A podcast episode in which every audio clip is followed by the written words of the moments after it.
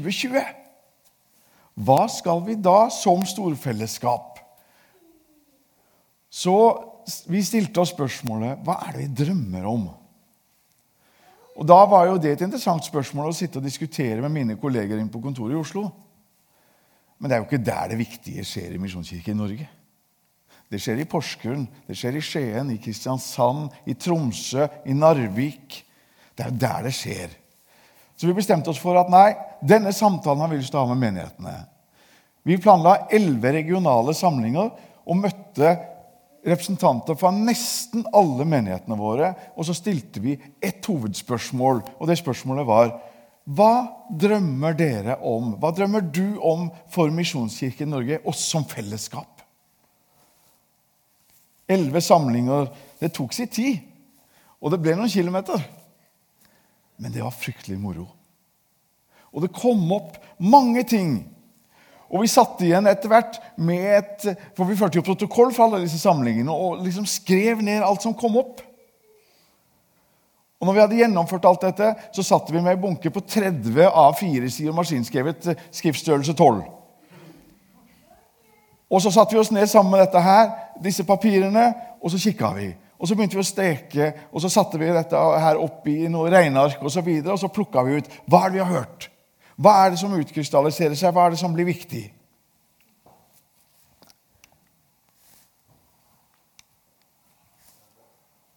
Den er på, men det hjalp ikke så mye. Kanskje det hjalp når jeg trykte på den andre pila. Ok, da vet jeg det.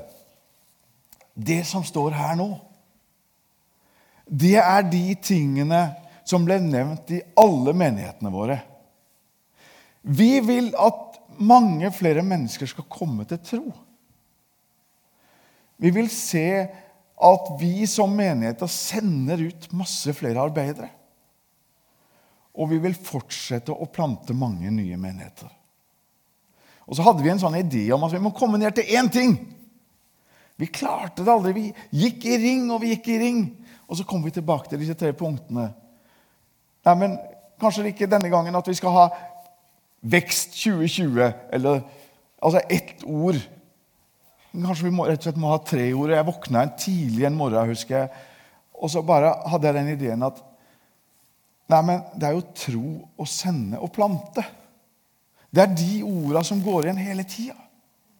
Og De henger sammen. Det er en sånn sirkulær bevegelse. For når mennesker kommer til tro, så er jo det en resultat av at noen har gått, og noen har fortalt. Og når mennesker blir fortalt, når mennesker kommer sammen, og når det blir fellesskap av kristne mennesker, ja, hva gjør de? Jo, de planter menigheter. Og hva, gjør, hva skjer i menighetsfellesskap? Jo, nye kommer til tro. Hva gjør de som har kommet til tro? Ja, De kan ikke la være å fortelle om det de har sett og hørt. Så de må gå og fortelle. Da har du en sånn sirkulær bevegelse. Så disse tingene henger sammen. Og Så tok vi dette etter hvert til hovedstyret, og sier hovedstyret ja, men det er jo det det må være. Og Vi hadde diskutert, diskutert så mye med hovedstyret fram og tilbake, og de ble aldri fornøyd.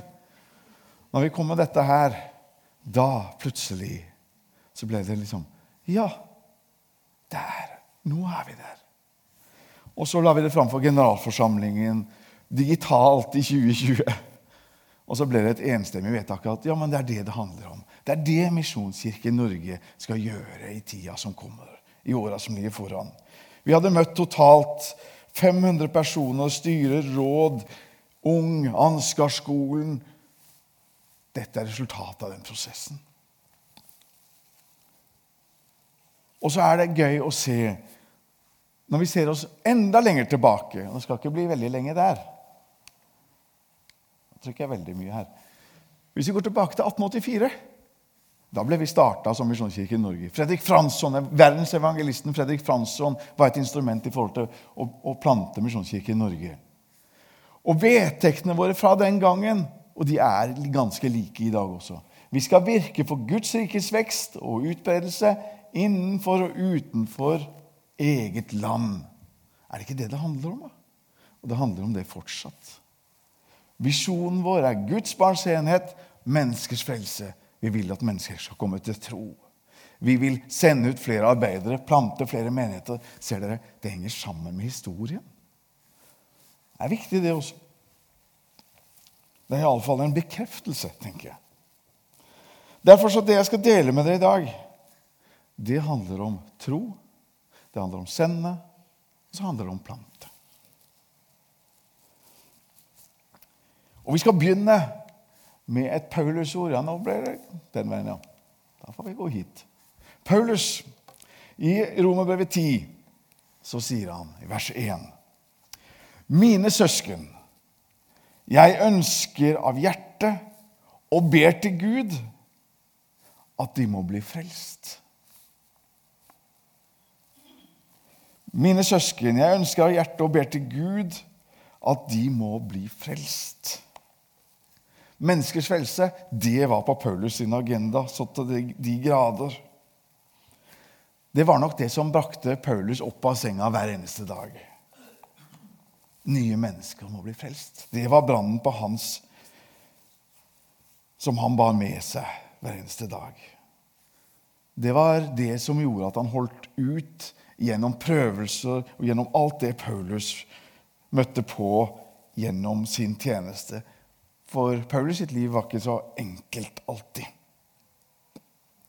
I det samme kapitlet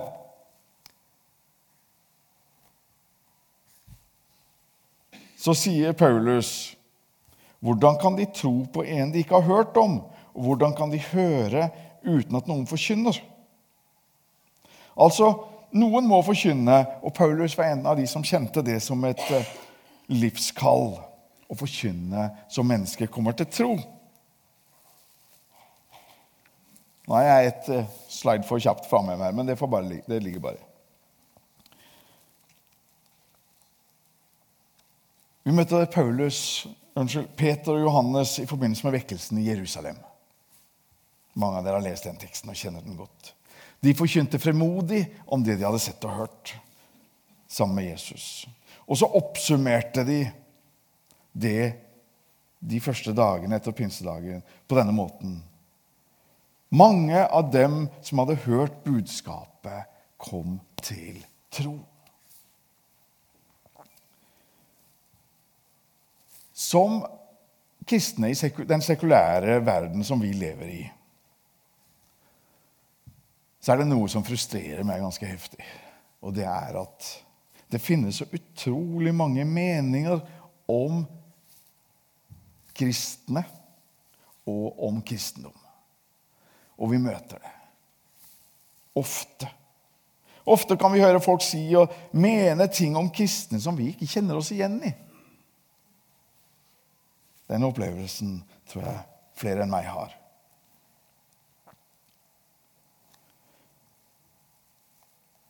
om vi hadde tatt tak i alle de mytene eller disse tingene som sies om de kristne, og spurt noen av våre venner er dette sånt dere kjenner meg.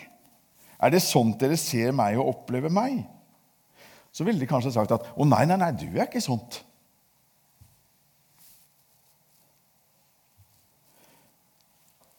Disse munnhella, disse mytene, de kan veldig lett ta frimodigheten fra oss på å stå fram som kristne og være tydelige i det vi tror på. Vi er redd for å bli plassert i denne her litt sånn stigmatiserte boksen.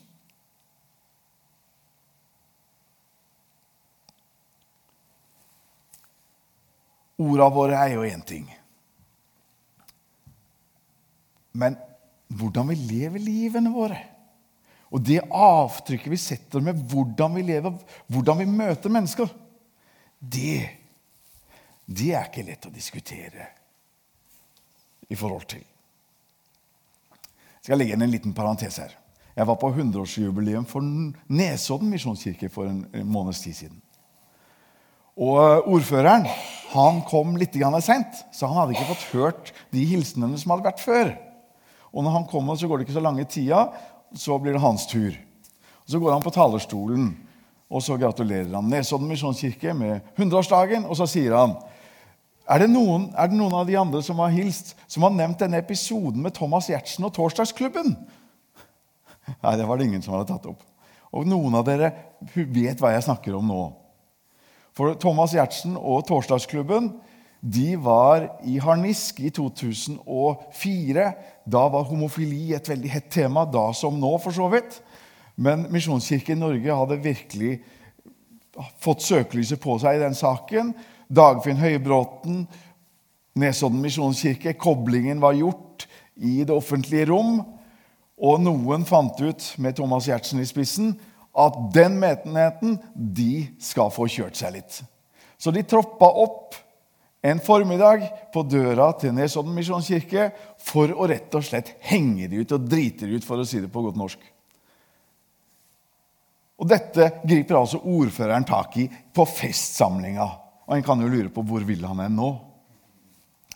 Det som skjedde, var at Thomas Giertsen og gjengen de ble så varmt og godt tatt imot av formiddagstreffet.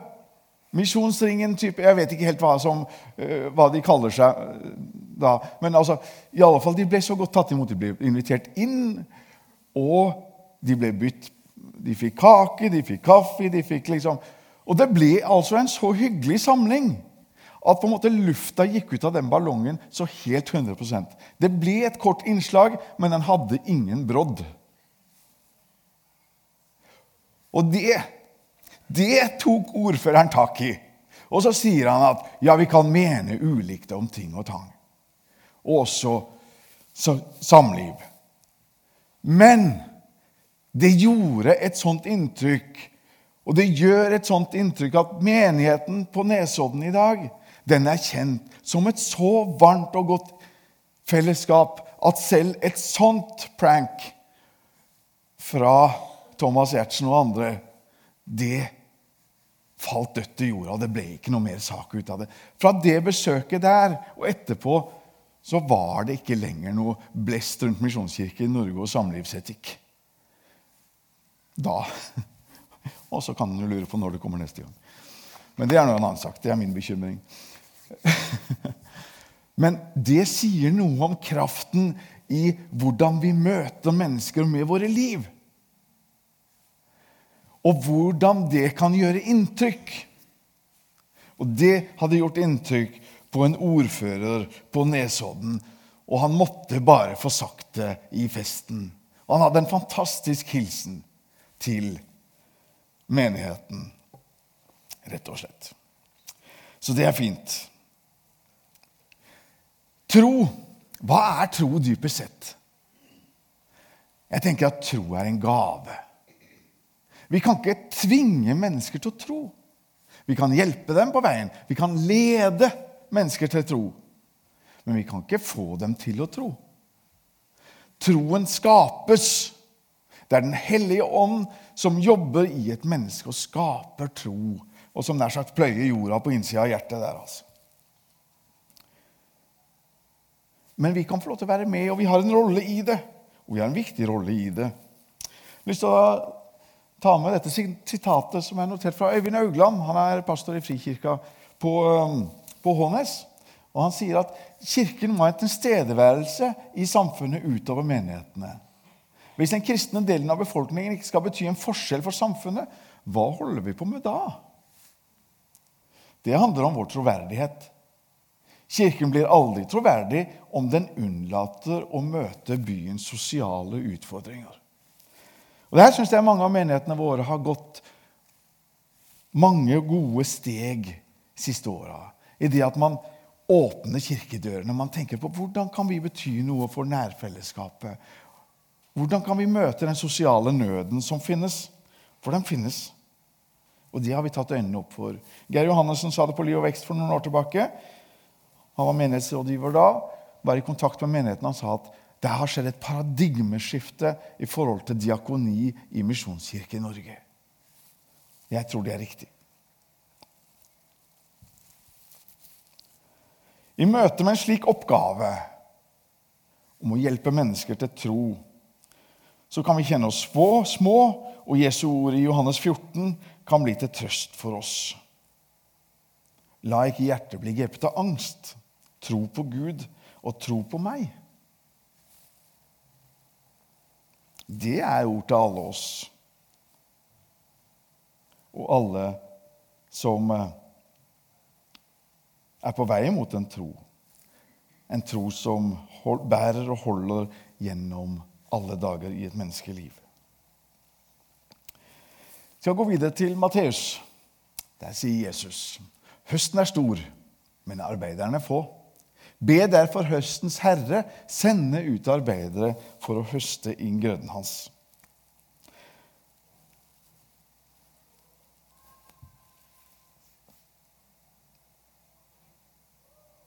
Om vi sammen med Paulus ønsker av hjertet og ber til Gud om at mennesker skal bli frelst,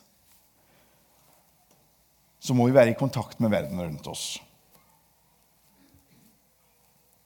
Jesus sa, 'Jeg skal gjøre dere til menneskefiskere'. Og til Jesus sa disiplene ved en anledning, for å bruke det bildet, så kan vi ikke isolere oss og snu fiskebåten nær sagt på huet og søke tilflukt under. Vi må legge utpå. både på dypt vann, i røff sjø og tidvis langt fra egne strender, må den båten gå. Hvor vi skal være menneskefiskere. Høsten er stor.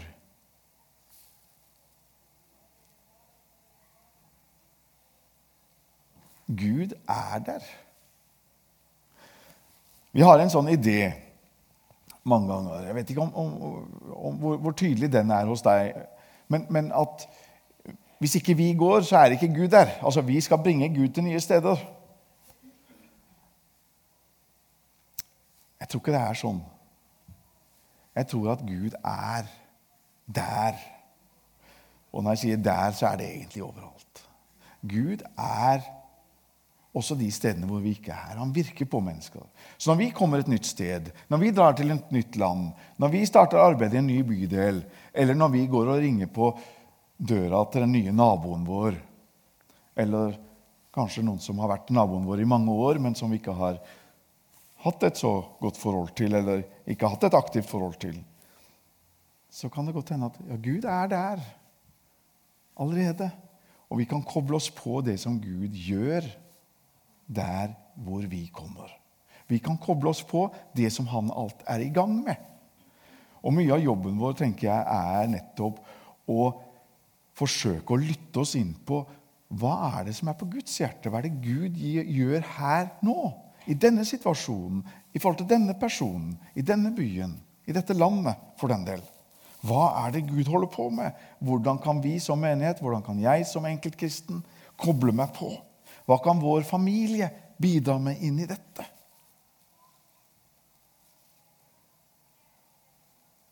De siste ti åra har eh, de kristne i Kristiansand by økt ganske mye. Hvordan? Jo, noen har sendt ut nye arbeidere. Noen har latt seg sende til nye bydel, til nabolag, til mennesker og Det har skjedd en ganske kraftig utvikling. Og Det er jo det området hvor vi har planta flest menigheter. Men det er ikke bare i Kristiansand, heldigvis. Og Når vi nå ser framover og tenker at vi skal plante mange nye menigheter, så tenker vi at vi må lykkes å gjøre det i mange flere deler av landet vårt. Hele landet vårt. Det er det vi opplever å høre når vi møter lederskap og representanter fra menighetene våre rundt forbi. Vi drømmer om at det skal plantes en, med, en ny menighet i Malvik, på Kvaløya, Harstad, Svolvær. Og så kan vi fortsette å nevne på steder som mennesker har en nød for at her skal det plantes et nytt fellesskap. Det syns jeg er gode drømmer. Det er flott. Opp gjennom historien har Misjonskirken Norge sendt ut mange, mange misjonærer som har planta menigheter, forkynt evangeliet i ord og handling. Kongokirken, Kongo evangeliske kirke, den ble til og ble starta av svenske og norske misjonærer som kom til Kongo og jobba sammen. Kongo er et land med røftlig fire millioner mennesker. Kirken i Kongo vi antar vi, Ingen vet eksakte medlemstallet der. Men vi mener at det er ca. 500 000 medlemmer i den kirken. Det har vi fått være med og bidra til ved å jobbe sammen. Det hadde aldri Porsgrunn misjonskirke fått til alene. Men Misjonskirken Norge, i samarbeid med Misjonskirken i Sverige Nå heter det ikke Misjonskirken i Sverige lenger. De heter Økumeniakirken. Men sammen har vi fått til det. Høsten er stor, arbeiderne få.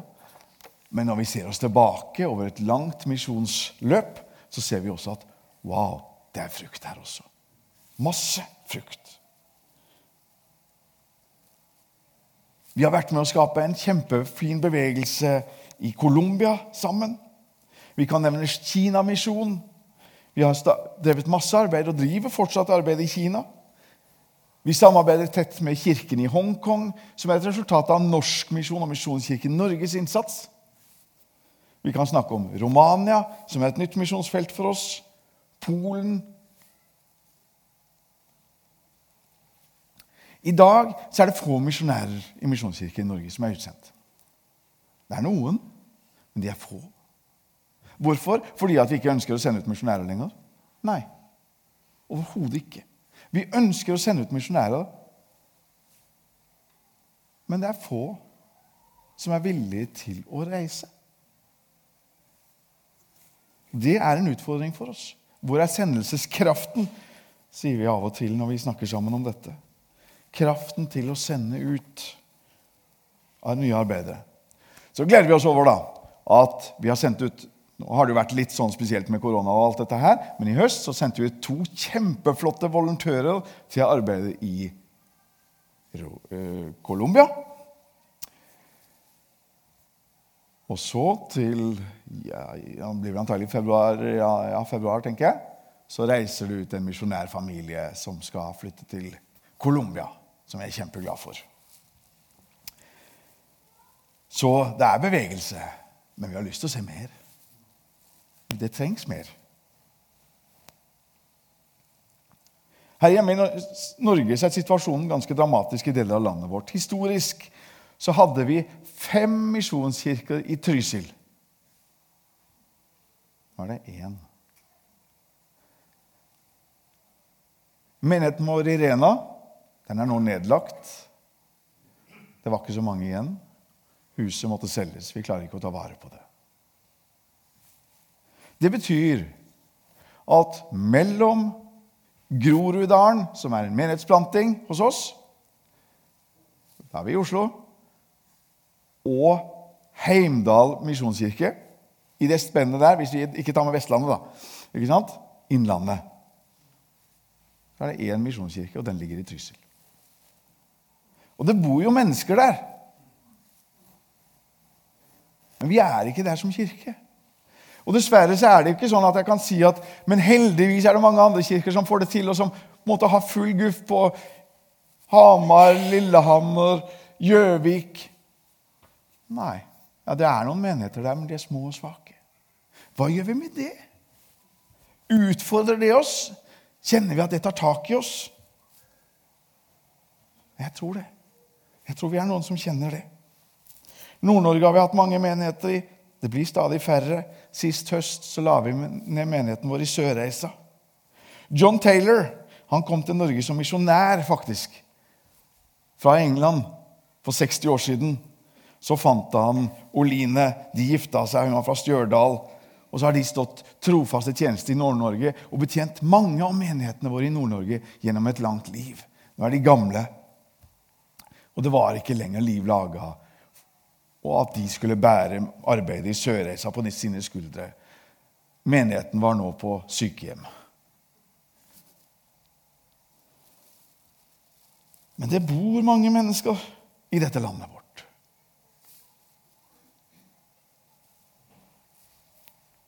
Jeg vil si at Det største utfordringen for oss i Misjonskirken i Norge i dag er at vi mangler sendelseskraft. Hvordan skaper vi det? Jo, vi ber til Gud om at han må sende ut arbeidere. Og Den bønnen må være vår bønn som fellesskap. At Gud skal kalle arbeidere. Og Jeg tror også det betyr at vi må åpne oss for at han til og med kan finne på å utfordre oss som et bønnesvar i den sammenhengen. Jeg husker jeg gikk i tabernaklet da jeg var liten. Skien. En av de første sangene jeg lærte i barnekoret, det var 'Jesus, her er jeg, send meg'. Det er en aktuell sang fortsatt. Plante. Går vi ti år tilbake, så var det ikke mye planting som skjedde i Misjonskirken Norge. I dag opplever jeg at det er en tydelig erkjennelse av at det må vi fortsette med. Dette er viktig. Gjennom å plante nye menigheter så når vi mange nye mennesker. Så planter vi i nabolag. Så planter vi menigheter ute på misjonsfeltene våre. Det er en økt fokus på det. Det er gøy å se.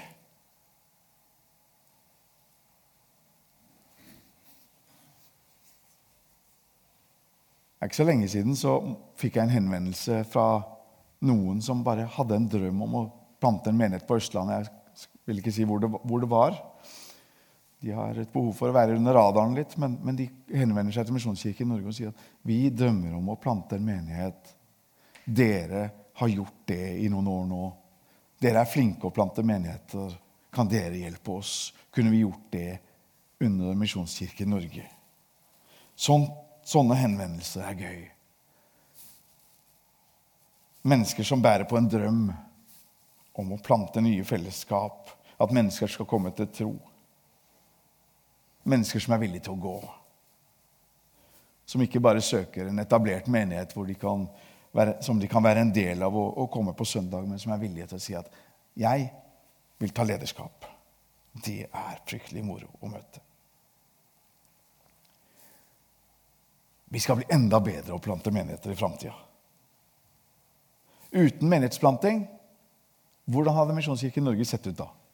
Hadde, hadde, vi fortsatt vært i vekst, eller hadde vi, vært i, hadde vi gått fra stagnasjon til vekst uten menighetsplanting?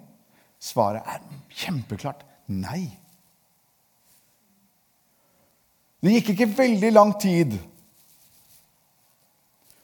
fra man planta Vågsbygd misjonskirke utenfor Kristiansand. Vi brukte litt midler på den plantinga fra sentralt. Vi hadde ikke mye, men vi brukte det vi kunne. Det gikk et par-tre år, og så var den menigheten allerede der at de bidro like mye til fellesarbeidet og misjonsarbeidet vårt som de ti minste menighetene. Så det er en investering som lønner seg, dere. Også om vi skal se det på den måten. Jeg nærmer meg slutten. Vi må ha med oss dette verset fra Paulus. Jeg planta, Apollos vanna, men Gud ga vekst. Vi kan ha ideer og vi kan ha drømmer om veldig mye. Men når det handler om vekst i Guds rike, ja, vi kan planlegge for mye. vi kan gjøre det beste vi kan. Vi kan være så flinke vi kan. Men til syvende og sist det handler om at Gud gir. Det er han som gir vekst. Og vokser vi, så er det han som skal ha all takk og ære for det. Vi står fullt og helt på hans skuldre. Og det handler ikke dypest sett om at Misjonskirken i Norge skal bli stort. Det er ikke det vi ønsker å sette fokus på med denne dagen. Men det er en dag hvor vi ønsker å som fellesskap komme sammen og si hva er det Gud kaller oss til? Som fellesskap, som enkeltmennesker.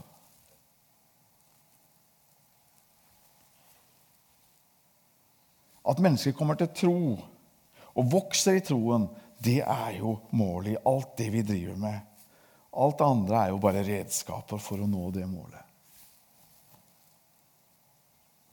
Nøkkelen til vekst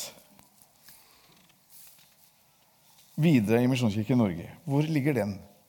Jo, jeg er helt overbevist om at nøkkelen til vekst ligger i synergien mellom det som skjer lokalt, og det vi klarer å bidra med som storfellesskap. Både sentralt, men også det vi klarer å, klarer å skape av synergi, synergi mellom menighetene. Det tror jeg er kjempeviktig. Vekst 2020 har vist oss at når vi står sammen, når vi virkelig vil noe, så er det utrolig mye vi får til. Vi har klart å snu skuta rundt på et vis. Det er flott. Nå vil vi se mer. Vi vil oppleve mer. Vi vil ta det lenger i den tida som ligger foran. Og Vi henter mye av vår inspirasjon fra den første kristne menighet. En menighet som ble født i vekkelse. Det begynte i Jerusalem på pinsedag. Mange nye kom til tro, og menigheter ble lagt til. Etter kort tid så brøt det ut forfølgelse, og de troende ble spredt ut. Eller sendt ut. En tvunget sendelse, kan man kanskje snakke om. Og på de stedene det slo seg ned mennesker som var kristne, så var det nye som ble frelst. Og som resultat av det så delte de vitnesbyrdet om Jesus, det de hadde sett og hørt. Så ble det planta nye menigheter. Nye fellesskap oppsto. Slik kan vi følge Kirkens historie helt opp til vår tid og fram til i dag. Altså, mennesker har kommet til tro. Menigheter har blitt til som igjen har sendt ut troende til å fortelle, så nye kan komme til tro. Og Sånn sett så er det Kirkens historie vi har lyst til å forsterke når vi nå beveger oss inn i et nytt tidsvindu, ettervekst 2020. Vi vil at Misjonskirken Norges fotavtrykk skal være tro, sende, plante. De tre orda de kan vi ta med oss, og så vet vi hva som ligger bak.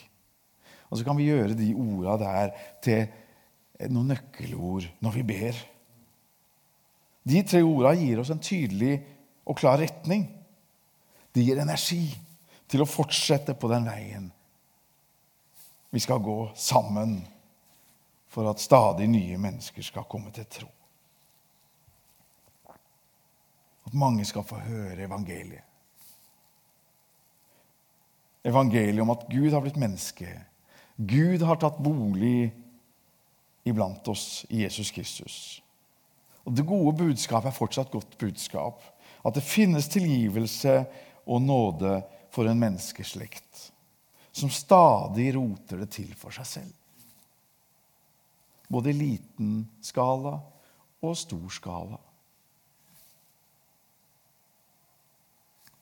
Og Jeg tenker den sangen som du delte om dette hjertet Det knuste hjertet, det kan vi gi til Gud.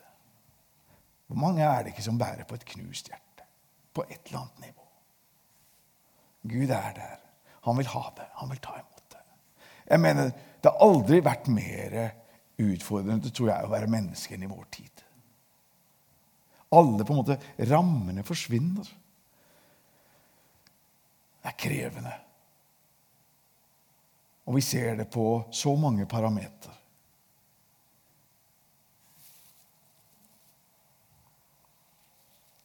Og da å kunne forkynne evangeliet. Et budskap som setter mennesker fri. Som plasserer mennesker inn i en kontekst. Med en Gud som er god, som vil godt, og som gir oss de beste rammene for å leve et liv som menneske.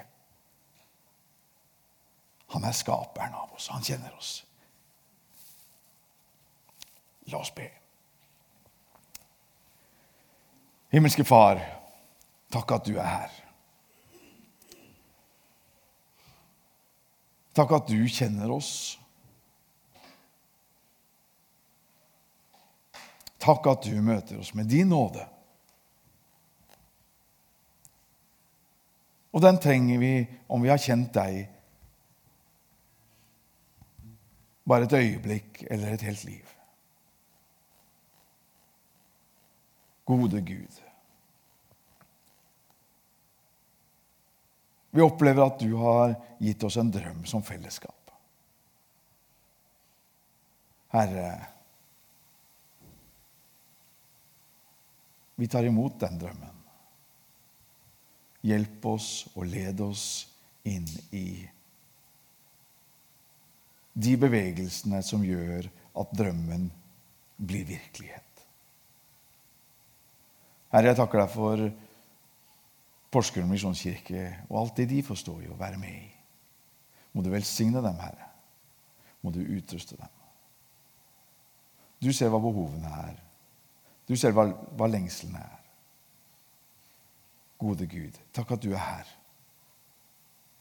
Hjelp oss å lytte til deg, og la det bli tydelig for oss hva som er din plan for denne menigheten, for de menneskene som er en del av dette fellesskapet.